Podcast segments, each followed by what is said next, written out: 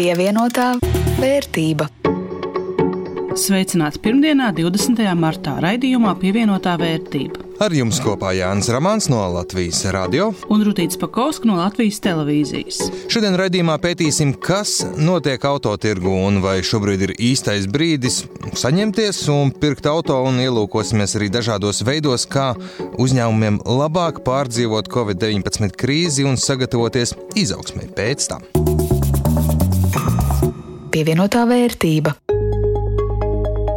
Bet vispirms pēdējo dienu aktualitātes. Tātad palikām bez konkurences padomas vadītājas, atkal pārliecinājāmies, ka Latvijā krietni daļa ekonomikas ir pelēkajā zonā, un tikām vēl pie vienas darba grupas. Kuras uzdevums ir ļoti elementārs - strādāt pie risinājuma un atrisināt to, kādā veidā mēs mērķtiecīgi un efektīvi stimulēsim mūsu ekonomiku šai krīzei beidzoties. Un tur ir dažādi veidi, kā mēs to varam darīt. Mums tā tad ir šobrīd tie, kuri strādā pie epidemioloģiskiem jautājumiem, Viņķels kundzes vadībā, tie, kuri strādā pie atbalsta mehānismiem Reiru kunga vadībā, un tagad arī tie, kuri strādā pie attīstības un atlapšanas ekonomikas jautājumiem Vitsenberga kunga vadībā. Tā paziņoja premjerministrs Krišjāns Kariņš. Kā ekonomikas ministra darba grupai vedas, nu to noteikti skaidrosim kādā no nākošajiem raidījumiem. Bet pavisam negaidot, pielavījās konkurences padomas vadītājs Skaidrīts Ābrams pēdējā darba diena. Par nolūku pamest šo amatu viņa bija paziņojis jau gada sākumā, bet Covid krīzē izvēršoties pilnā sparā, mm, kuram tas palika prātā. Pats Skaidrīts Ābrams saka, ka atlūguma iemesls esot privāti, to vidū arī nogurums vadot iestādi jau no 2012. gada. Un Ābram atzīst, viņas pēctecim pieredze biznesā nav obligāta, lai gan varētu noderēt. Tā kā visi interesanti uz priekšu, jo jauno konkurences padomus vadītāju meklēšot konkursā. Bet Covid-19 seku mazināšanai domātais dīkstāvs pabalsts darbiniekiem atklāja mums to, cik pelēka ir Latvijas ekonomika. No vienas puses, dīkstāvs pabalsts nosaka pēc samaksāto nodokļu apjomu, un maksimālo 700 eiro saņem tikai 4%. Pārējie stipri mazāk. No otras puses, pietiek palasīt dažādus ierakstus sociālos tīklos, lai saprastu, cilvēku vilšanās ar dīkstāvus pabalstu apjomu ir liela. Nu kā tad tā? Man alga bija tik un tik, bet dīkstāvus pabalsts niecīgs. Ļoti racionāli uz situāciju raugoties, dīkstāvi ir kā parauga demonstrējums tam, kas notiks aploksņa algu saņēmējiem pensionējoties, saslimstot, iegūstot invaliditāti vai iestojoties kādam citam sociālās apdrošināšanas gadījumam. Bet politiķiem jāizlemj. Variantā nav nodokļu, nav pabalsta, ir lielas sociālās sekas un cilvēki paliks ārkārtīgi dziļā nabadzībā ar visām izrietošajām problēmām. Bet variantā strūns par nodokļiem, šeit tev pabalsts, būs ļoti grūti pierādīt tiem, kas nodokļus ir godīgi maksājuši, ka viņi nav aitas un auni, kuri tik maksā, kamēr pie labumiem viss tiek vienādi. Pievienotā vērtība.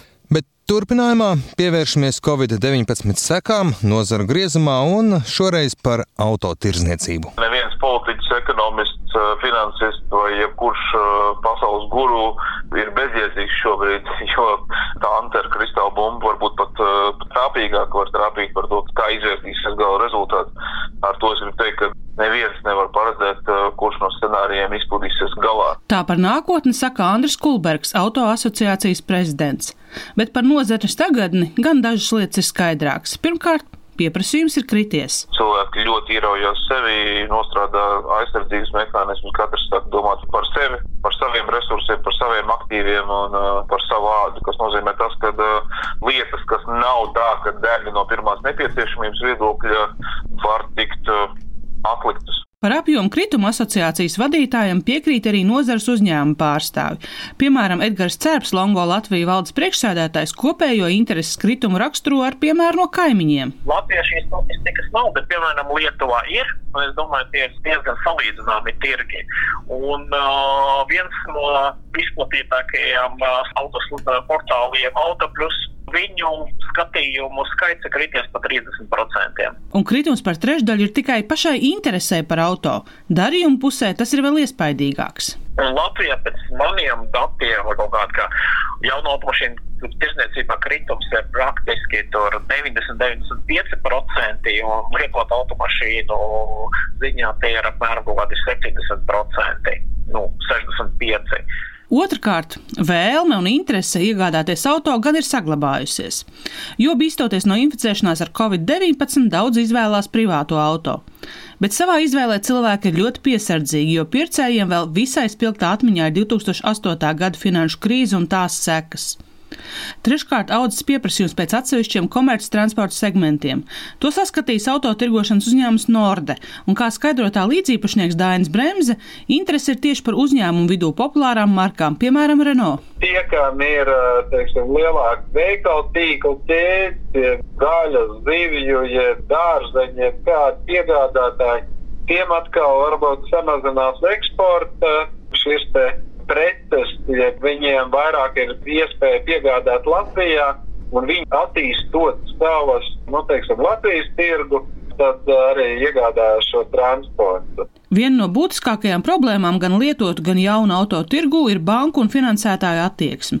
Kā skaidro Andris Kulbergs, jau pirms koronavīrus krīzes bankas bijušas visai skopas ar kredītu izsniegšanu. Bankas bija ieslēgušas ļoti un ir ieslēgušas ļoti tādu filtrācijas režīmu, kur pēc uh, valsts arī uzdevuma no visiem šiem moneyval un pretterorismu apkarošanas un pelēkās, teiksim, naudas apkarošanas plāniem tiek īstenot un uzlikt šie daudz dažādie filtri, kuriem izkrīt cauri tikai, diemžēl, kristāli klāri klienti. Bet tagad situācija kļūs vēl sliktāka, un pēc viņu novērojumiem bankas pat atrunājot klientus no kredīta ņemšanas. Līdzīgu situāciju saredz Dainis Bremse šobrīd bankas, leasing kompānijas nevis iedziļinās varbūt krīzes laikā un kaut kur nāk ļoti pretī, bet uh, cilvēks diemžēl iedala pa kategorijām. O, tur turisma, ja bēdināšanas, ja vēl kaut kā tā, tam jau biznesa tur apstājas. Mēs esam redzējuši un uh, saņēmuši cilvēkiem tādus atteikumus, kurus nu, divu mēnešu atpakaļ cilvēki būtu mierīgi varējuši nokārtot šo līzingu. Pašiem autotirgotājiem gan ir jāsaprot, ko darīt ar krājumiem. Pavasaris autotirgū tradicionāli ir pļaujas laiks, kad pircēji ir visvairāk. Tad ir kura problēma? Šobrīd tie krājumi ir salīdzinoši lielāki nekā viņiem vajadzētu būt ar mašīnām, un tirgotājiem tie krājumi maksā tie bankas nauda, un teorētiski vajadzētu atbrīvoties no šiem krājumiem, bet ir otra dilēma, kad uh, visā šī pasākumā ir aizvērušās rūpnīcas un ražošanas tiek uz mēnesi diviem, ja? kas atkal nozīmē to, ka pēc tam, jo tas ir cikls, tas ir pēc kvartāla, mēs redzēsim atkal problēmu, ka nebūs iespējams iegūt šīs mašīnas. Jā, vienkārši nebūs piedāvājums, tāpēc, ka rūpnīca bija dīkstāvē. Ražotāji, komponentu ražotāji un tā tālāk, loģistikas tīkli, kamēr atkal tā jau tas ir tāds dinozaurs, kur, ja izslēgt, tad pēc tam ir ļoti grūti iedarbināt, un tas pārāvums pēc tam var uh, būt atkal kā defektīvs. Un tāpēc nevar īsti izsvērt, vai tirgot šobrīd to krājumu problēmu risināt, vai arī paturēt, lai pēc tam būtu atkal ko tirgot. Tāpēc, nu, ir šāda dilēma. Par to, ka automašīnu krājumi Latvijā tik drīz nepapildināsies, piekrīt arī Edgars Cērps no Longo Latvijas. Aprēķins esot vienkāršs. Vidēji gadā Latvijā pārdod ap 140 tūkstošiem auto. No tiem 120 tūkstoši ir lietotas, 20 tūkstoši jaunas. Un no tām lietotām automašīnām apmēram puse ir tas, kas ir iekšējais tirgus, kāds pirms tam ir nopircis jaunu mašīnu vai kā un pārdot tālāk, ja vietējā tirgu, un puse no tā ir imports. Importēti lietotas automašīnas. Lieta tāda, ka tagad imports ir pilnīgi apturēts. Ja? Gan jaunās, gan lietotās mašīnas. Ja? Un lieta tāda, ka Latvijas tirgu nepērk pietiekami daudz jaunas automašīnas, lai tas piedāvājums tiem pircējiem, kas kā, nevar atļauties jauno spēkratu, teiksim, būtu no kā izvēle un iegādāties. Tas nozīmē to, ka tas pie, piedāvājums tirgu ir ļoti stipri teiksim, nokrities, tagad, nu, pievedums. Un fakts ir tāds, ka tas stoks, kas tagad ir, tirgu, ja, nu, tas arī paliks. Fakts ir tāds, ja pats tirgus krītās ļoti nozīmīgi, nav cilvēki pirks tās mašīnas pievienotā vērtība. Jā, kā dzirdējām, nav vienkārši būt tirgotājam koronavīrus krīzes laikā. Nav gan. Klaudīt, bet vai jau iezīmējas, kuras izmaiņas auto tirzniecībā, es saprotu, es tagad prasu tā kā kristāla bumbā skatīties, bet uh, saglabāsies arī pēc krīzes beigām? Protams, un šeit pārsteiguma moments izpaliks. Arī auto tirzniecība kļūst virtuāla un attālināta. Longo Latvija, piemēram, sācis pārdot lietotas automašīnas attālināti. Lūk, ko stāstīja uzņēmuma vadītājs Edgars Cērps. Mēs esam pārdoši vairāk par desmit mašīnām tiešsaistē. Jūs varat mm. iedomāties, no Baltijas valstīs, ka cilvēks pat neredzot automašīnu, ir iegādājies no mums. Mēs vienkārši apvedām jau pēc samaksas un pie mājām un atstājam. Tas, manuprāt, vienkārši no grandios. Bet jauno auto segmentā tieši dienā, kad runāja ar Dainu Bremzi no Nordas, viņiem tik tikko bija beigusies virtuālā auto izstāde, kur Facebookā tiešraidē prezentēja jaunos modeļus.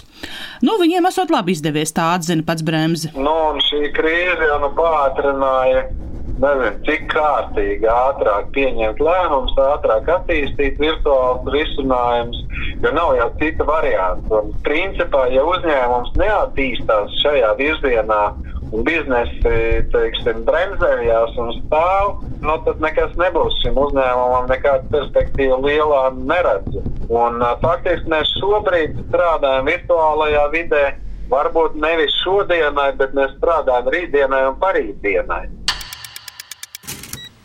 Cik biznesu, tik problēma. Protams, katrs gadījums ir individuāls, bet, kā dzirdējām, ir arī kopējas iezīmes, un par tām runājot, pirms dažām dienām pirmizrādi piedzīvoja konsultāciju kompānijas PVC izveidots Covid-19 navigators aptauja, kas uzņēmumiem var palīdzēt saprast, kā risināt vīrusu radītās problēmas, un PVC biznesa konsultāciju nodaļas vadītāja Ilona Skribiņa uzsver, ka Rīgas var kalpot kā palīgs uzņēmumu vadītājiem. Tas var palīdzēt uzņēmumu vadītājiem padomāt par uh, potenciālajiem risinājumiem no visiem uzņēmējdarbību ietekmējošiem aspektiem šīs rīkus nu, faktiski ievirza, palīdz radīt idejas, taču skaidrs, ka risinājumi vēlaši paliek uzņēmuma vadītāju pārziņā. Uzņēmumiem situācija jāvērtē sešos virzienos - krīzes vadības, darba spēks, uzņēmumu darbība un piegādes ķēdes, finanses un likviditāte, nodokļi un tirzniecība, kā arī stratēģija un uzņēmuma zīmols.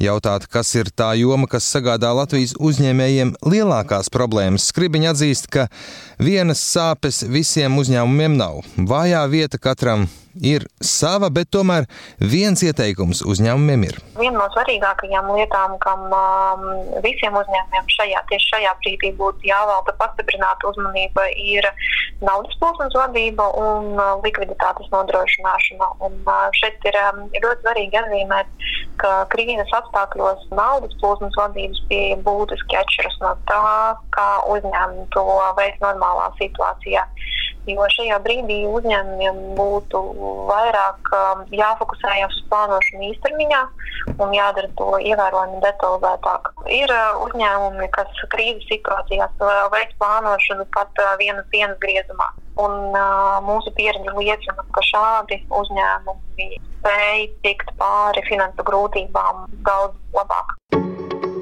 Jā, ja šobrīd ekonomikai, uzņēmējdarbībai visā pasaulē būtu jāpieņem tāds viens vienots moto, tad laikam visus vienot tas, ka To, kas notiks nākotnē, paredzēt nav iespējams. Un arī tepat Latvijā katru dienu uzņēmējiem un arī ikvienam no mums nes jaunas izmaiņas, jāsaprot, par ko pienāks atbalsts, par ko nepienākas, ko drīkst darīt, ko nedrīkst, kāda noteikuma spēkā, kādi varbūt tuvākajā laikā tiks atcelti, varbūt kādi jauni ieviesti. Un uz šīs neskaidrās nots arī izskan raidījums pievienotā vērtība. Bet mēs tiksimies atkal pēc nedēļas, un uh, cerams, tad atbilžu būs vairāk un tālāka notikuma attīstība paredzamāk. Ar jums kopā bija Rudīts Pakausks no Latvijas televīzijas.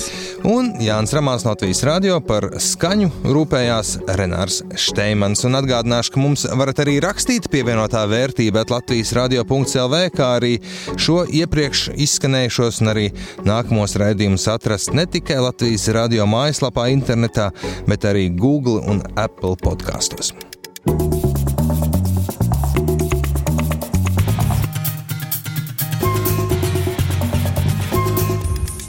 Pievienotā vērtība.